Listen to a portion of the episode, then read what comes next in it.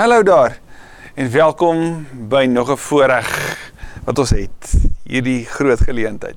Welkom by nog 'n kuier saam met die Kohelet, die prediker. Dalk skakel jy vir die eerste keer in vandag. Dalk het iemand vir jou die link van hierdie skakel gestuur sodat jy kan inskakel. Vir jy baie welkom asseblief onthou net weer al die notas wat ek hier voor my het en ons baie baie baie klein voetnotas hier onder wat ek nie na alles kan verwys nie. Kan jy kry elke week voor die tyd stuur net my e-pos. Dit sal jy op die skerm wys. csmith@guysm.co.za en ek stuur dit graag vir jou. Ons het 'n klomp klomp mense wat weekliks dit kry en wat dit natuurlik weer deel. So waar ook al jy is vandag, baie baie welkom en regtig dankie dat jy tyd maak hiervoor. Ek bid so dat dit wat jy belê in terme van jou tyd dat die Here dit sal hoor en nie net hoor nie dat die Here jou sal seën en ek bid dat dit wat jy vandag sal ontvang by die Here dat dit ook goed vir jou sal wees op jou reis met hom. Dis regtig 'n geweldige voorreg. Kan julle glo ons het die halfpad merk as ons klaar maak vandag bereik van Prediker. Hierdie 12 kosbare hoofstukke van hierdie een geweldige preek wat ons uiteindelik bring by die vraag wat is die sin van die lewe? Waaroor gaan dit regtig? En hy neem ons elke keer amper asof hy vir ons by 'n foto bring van dit kan so wees en dan maak dit weer toe met nog 'n klomp vrae. Om te vra is goed. Om natuurlik vir die regte persoon te vra is beter. Om vir die Here te vra is die beste. Verlede week in hoofstuk 5, as jy kan onthou, het ons stil gestaan by moenie te gou praat nie. Hierdie prediker wat al die plekke besoek het, het toe ook die tempel besoek en gesê moenie te gou 'n belofte aan God maak nie. Want wat jy vir hom beloof, dit moet jy doen want die Here luister na jou woorde en hy hy hou nie van ligsinnige woordjies wat vinnig gelig en vlietend is nie. Wat vinnig weg is nie. As jy beloof het, dan gaan die Here dit van jou eis. Wat natuurlik ons bargaining en ons gebede wat ons soms doen. Here, as U dit, dan sal ek dit op 'n ander plek bring en ons net weer bring by die herontdekking die besef van pas op waarvoor jy vra en pas op waarvoor jy bid van die Here hoor. En toe beweeg hy van daar af na die stadsaal toe, daar waar die politici bymekaar is. En hy sê maar daar gaan altyd mense wees wat armes onderdruk. En daar's altyd iemand met gesag wat beskerm word deur iemand van 'n hoër gesag. En ons het mos al daarvan beleef in ons lewe. Dalk nou op hierdie oomblik, dalk jare terug.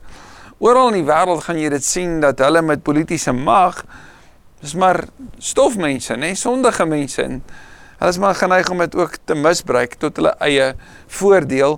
Maar die prediker kan sê onthou net ook hulle gesag is ondergeskik aan 'n hoër gesag wat die Here se is. Wat dat die Here van ons verwag om ondergeskik te wees aan hulle wat bo ons gestel is. Daai hele gesindheid van hipotasso om ander eerste te stel. Toe gaan die prediker en hy sê maar as hy na die sakewêreld gaan kyk het hy agtergekom dat daar mense is wat wat so baie besittings het dat hulle besittings hulle besit.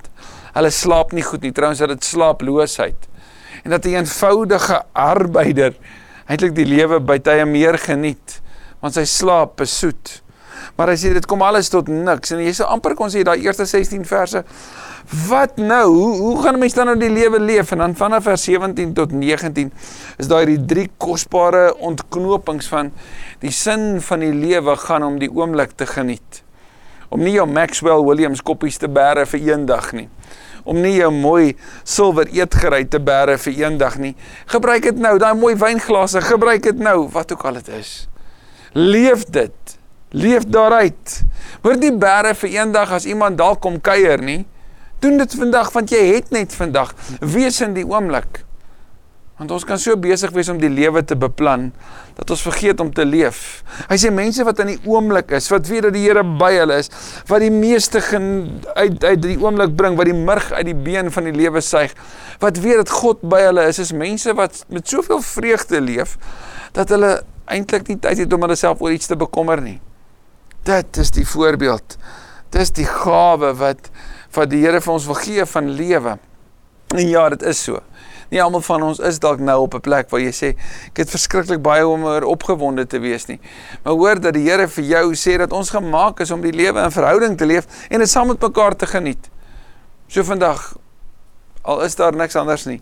Kom ons geniet die voorreg om saam met mekaar as dit ware om 'n kampvuur te kom sit met die Here wat vir ons vanuit sy woord leer oor die sin van die lewe met Kohelet hoofstuk 6. Kom ons bid saam.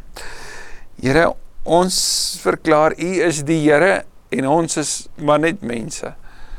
Wees ons sondaar genadig. Wees my vandag voor U waar ek sit of waar ek staan. Dalk luister ek dit in die motor. Wees my so genadig dat ek U stem sal hoor. En dat ek sal nadink oor wat dit beteken ook vir my lewe en vir hierdie dag waarvan ek net een in my ganse lewe het. In Jesus se naam. Amen. Prediker 6 vanaf vers 1. Ek het in hierdie wêreld ellende gesien wat swaar druk op 'n mens. God gee aan iemand rykdom, besittings en eer en so iemand kom niks kort van wat hy begeer nie. Maar God laat hom dit nie daarvan geniet nie en iemand anders gebruik dit. Dit klink so teenstrydig. Die Here gee aan iemand alles. Hy het niks kort nie en tog gee die Here aan hom nie die voorreg om dit te geniet nie.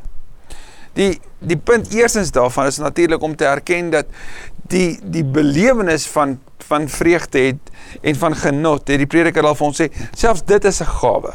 So hierdie persoon beleef dit nie so die logiese is hy het nie die gawe daarvan ontvang nie nê want hy kan dit nie geniet nie die die besittings wat daar in hierdie lewe is, kom jou nie toe nie. Dit wat jy het is jou voorreg. Ja, jy kan hard werk daarvoor, maar om te kan werk is 'n voorreg. So alles is in wese 'n geskenk. So hierdie persoon het alles. Hierdie persoon het selfs die toegang daartoe, maar maar die genot daarvan ontbreek. En ons sien die antwoord van van dit in hierdie sin en iemand anders gebruik dit. Hoekom sal dit iemand anders wees wat al hierdie geniet en gebruik? Omdat hierdie persoon wat alles bymekaar gemaak het, nie 'n nalatenskap het nie. Hy het nie 'n familie nie. Hy het nie ander met wie hy in verhouding leef nie. Dis dieselfde as in hoofstuk 5. Hierdie persoon wat alles bymekaar maak, alles bymekaar maak en alleen is. En uiteindelik sal hoofstuk 6 vir ons kom sê hierdie persoon eindig op 'n slegte plek want hy kan nie dit wat hy het geniet nie. Hoofstuk 5 het gesê sy lewe is ellendig en vol smart. Hy kan verkeerde sake doen en alles verloor. Dis die een persoon wat so op besit en op op op al hierdie dinge op rykdom gefokus is. In hierdie geval is dit 'n persoon wat nie in verhouding leef nie. En ja, dit is 'n hipotetiese stelling en ja, dit is by tye 'n 'n hiperbool want hy vergroot die die die situasies wat wat wat die prediker doen om 'n punt te maak. En die punt hierin is iemand wat alles het, maar die binne niks het nie. Dit sê die prediker is bitter swaar. En teenoor hierdie iemand wat geen familie, geen mense om hom het nie, vir wie se besittings oorgegee word aan iemand anders om te geniet, is daar iemand wat in verhoudings leef. Kyk net mooi hierdie. 'n Man kan 100 kinders hê en baie lank lewe, maar hoe oud hy ook al word, as hy nie die goeie dinge kan geniet nie en nie eers in 'n graf begrawe word nie, is 'n doodgebore baba beter daaraan toe as hy. So teenoor hierdie man vol rykdom aan wie daar eer natuurlik sou moes kom is daar hierdie hartseer ellendige einde van eensaamheid en hy kan dit nie eens geniet nie. Teenoor hom is daar hierdie persoon wat en en 'n ander vorm van rykdom was die hoeveelheid kinders wat jy gehad het en die ouderdom wat jy bereik het. So hierdie persoon het baie kinders gehad. So in die oë van die samelewing sou jy kon sê dis die twee forme van van rykdom. Baie kinders en natuurlik ook 'n hoë ouderdom maar baie kinders of baie geld. Dis 'n teken van 'n lewe wat geseën is.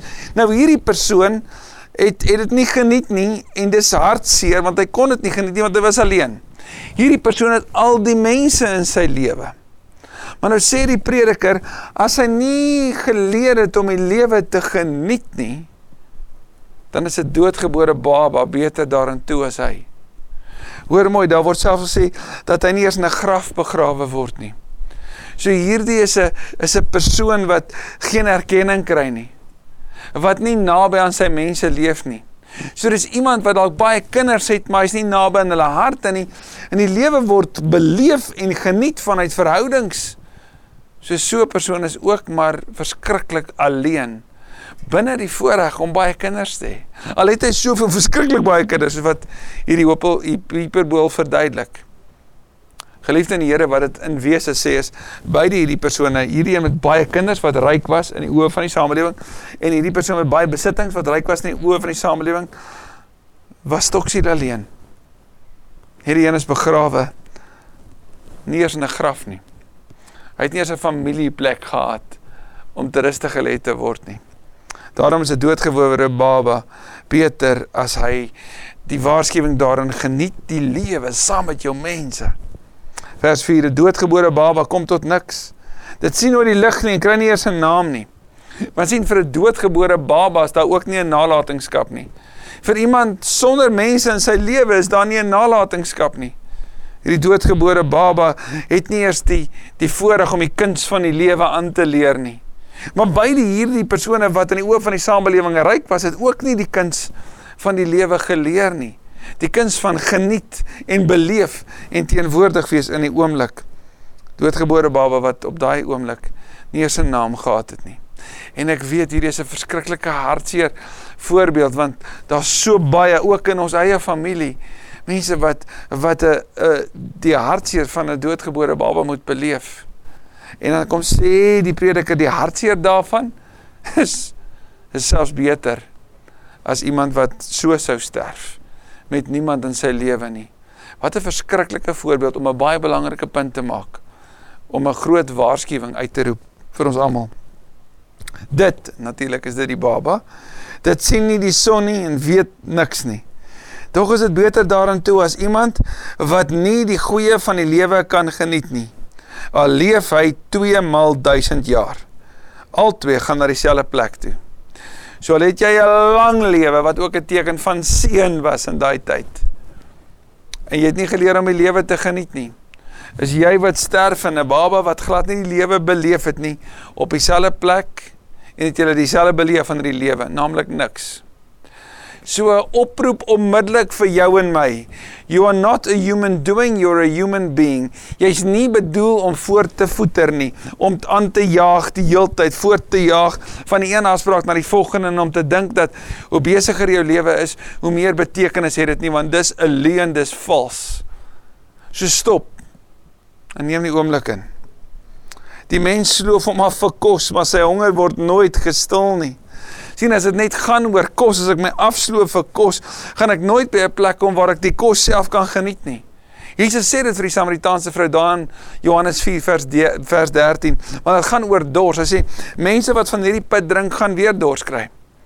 sien daar's iets anders wat jou kan vul en natuurlik weet ons wat die antwoord is om 'n verhouding met die Here te leef. Maar ek en jy wat selfs bely dat ons Christen is, moet ook vandag bely dat my gejaagdheid is besig om my vreugde te kos. En die vraag natuurlik is vir wat? Watter voordeel het die man met wysheid bo die dwaas? Wat help dit die arme om te weet hoe hy hom moet gedra? Wat help dit as jy dit alles het? Wat sou jy antwoord op hierdie vraag? Kom ek lees dit weer. Watter voordeel het die man met wysheid bo die dwaas? Wat help dit die arme om te weet hoe hy hom moet gedra? Dis Salomo se groot vraag en hy het baie groot vrae in hierdie boek in hierdie preek van hom oor oor die sin van die lewe. Wat help dat jy het wysheid en iemand anders het dit nie? Wat help dat jy weet hoe jy moet optree maar jy het nie geld nie? Die antwoord natuurlik is nie in die in die wysheid wat jy het nie, nê. Wat help dit die antwoord is nie in die ek weet wat die regte ding is om te doen nie. Die antwoord lê in om wys te leef is om te onthou dat dit in verhoudings gedoen moet word. Al is ek arm en ek weet hoe om op te tree, beteken dit om 'n dankbaarheid in die oomblik saam met my mense te wees. Om te kan weet soos Paulus in Filippense 4 af vanaf vers 11 tot 13 sê, dat ek in elke oomblik myself kan behelp en teenwoordig kan wees, want ek is tot alles in staat wat deur hom wat my krag gee, want dis die punt om vanuit en deur hom te leef. Wat die mens het is beter as wat hy begeer. Ook hier kom dit tot niks. Dis 'n gejaag na wind wat die mens het is beter as wat hy begeer. Want wat jy begeer is is die valse illusie dat as ek dit sou hê, sou ek tevrede wees. Maar om tevrede te wees in wat ek het, dis die begin van lewe. Dis om te waardeer wat ek het. Dis om op nie te kyk na die bed waarop ek slaap as ek die voorreg het. Vanoggend het iemand my weer daaraan herinner. Toe sê hy gesê het my maat my geleer of ek op sy lakens en of ek op katoenlakens slaap. As ek slaap, slaap ek. Ek's nie bewus waaronder ek lê nie. En of my maag gevul is met met warm pap en of dit gevul is met kaviaar, as ek versadig is, dan weet my maag nie die verskil nie. So die punt is nie om te sê as ek daai sou lê sou ek meer vervul wees nie. Die punt is om te sê kan ek bly wees vir wat ek het? Tevrede wees daarmee. Dankbaar wees vir wat ek het. En nie so aanhou jaag om te sê as ek maar net het, as ek maar net kan, as ek maar net sal nie. Want dit is 'n leuen.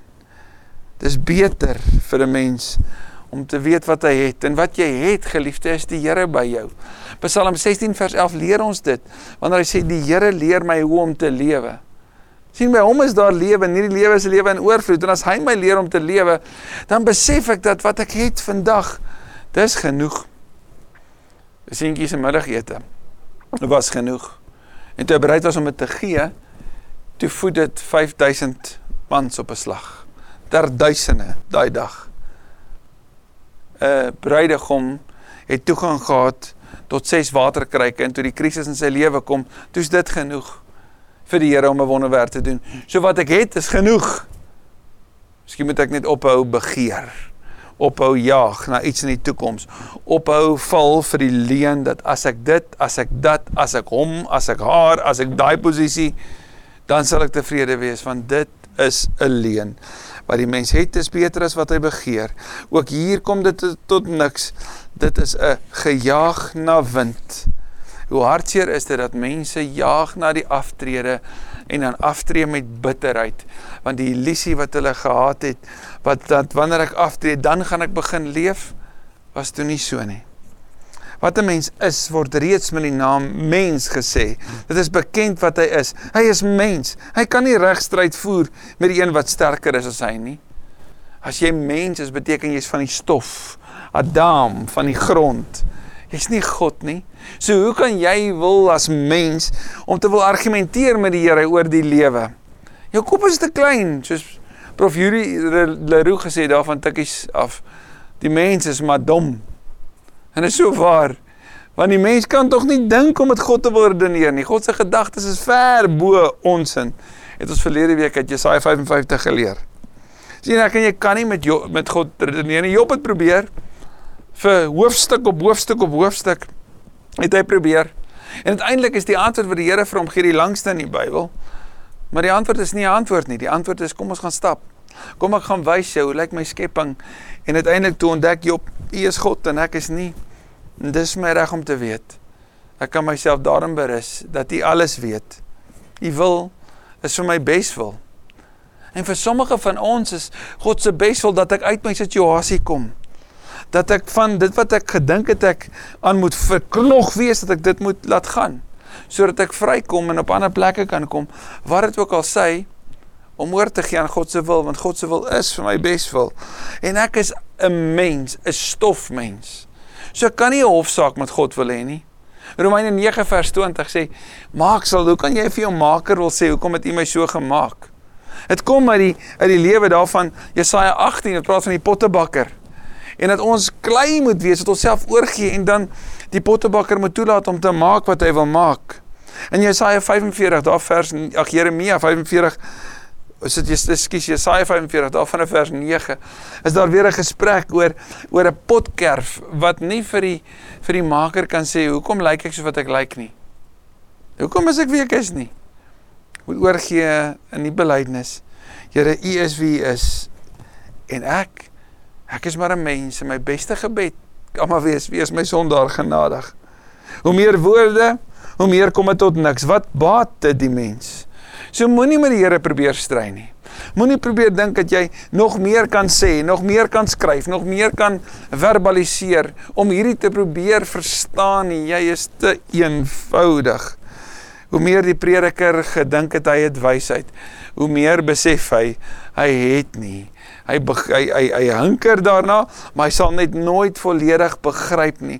Hoe meer hy daaroor skryf, hoe meer kom hy agter dat selfs sy geskrywery is eintlik 'n herhaling van 'n worsteling en eintlik moet hy net oorgee. Oorgee aan die ewige wysheid wat God is. En dan sê vers 12 aan die einde van hierdie baie kort hoofstuk: Wie weet wat vir die mens goed is in die lewe? In die dae wat tot niks lei nie wat hy soos 'n skade weer deurbring. Wie kan vir 'n mens sê wat na hom in hierdie wêreld sal gebeur? Hierdie is sy vraag oor die ontslapenheid. Wat gebeur hierna? Wie kan my antwoord? En as mens voor Jesus het hy nie antwoord daaroor gehad nie.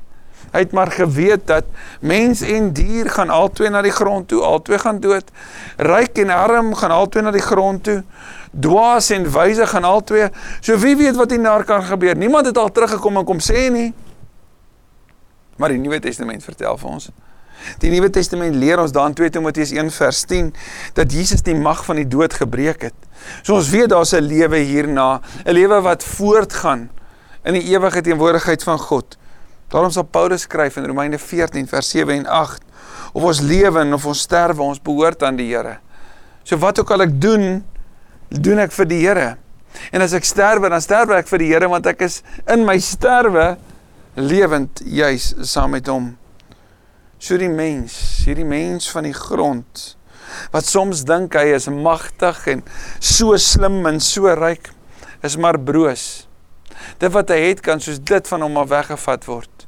En daarom moet hy erken dat hy 'n maker het wat hom geskep het om die maker te soek, om die skepper te soek want uit hom leef ons, beweeg ons en is ons en in die wandel saam met die Here en in die belydenis dat U die Here is en ek nie dat ek U nodig het in elke oomblik van my lewe ontdek ek die sin van die lewe. Ontdek die, ontdek ek die vreugde van saam wees en by die Here wees. So wie weet wat gebeur na hierdie lewe? Elke Christen wat bely Jesus is die Here, sal vir jou sê jy is saam met hom jy's by hom. En hierdie Here kom weer. En as jy hom nie ken nie, wil ek jou so graag aanmoedig. Draai na hom toe. Sê wagmoedig, Here, kom wees die Here van my lewe. Ek het verlossing nodig. Ek het vergifnis nodig. Ek het weer sin in my lewe nodig. Want ek is deel van die gejaag na wind. En ek het niks om my nie. My lewe is leeg en alleen. En ek mis uit op die dag, op hierdie oomblik om saam met saam met U en saam met ander te kan wandel en te kan wees. Prediker, kom leer vir ons, daar's meer. Mag ek en jy daarna bly soek. Amen. Dankie Here dat ons vandag ook in hierdie oomblik net weer nuut kan dink, opnuut daar weer kan nadink oor wat hierdie kosbare boek vir ons sê dat ons kan weet Here dat hoe meer woorde ons gebruik hoe minder mag dit ons dalk help. Hoe meer ons jag hoe meer besef ons kom eintlik nêrens. Hoe meer ons wil besit, hoe meer besef ons ons kan verloor. Hoe meer ons jag na tydelike vreugdes, hoe meer besef ons dit vervul nie regtig nie. En Here as ons vra oor die sin van die lewe, dan moet ons erken ons is net te eenvoudig om dit te kan begryp. Hoe ouer ons word, hoe meer besef ons hoe dom is ons. Ag Here, kom wees ons hulpelose mens genadig en kom tel ons op. En help ons om die gawe van hierdie dag nie te mis nie. Om die geskenk van hierdie oomblik nie te mis nie. Om die voorreg om saam met U te kan wandel nie te mis nie. U is die Here. Ons aanbid U. Ons het U nodig. In Jesus se naam. Amen. Amen. Sien jou volgende week vir meer hiervan.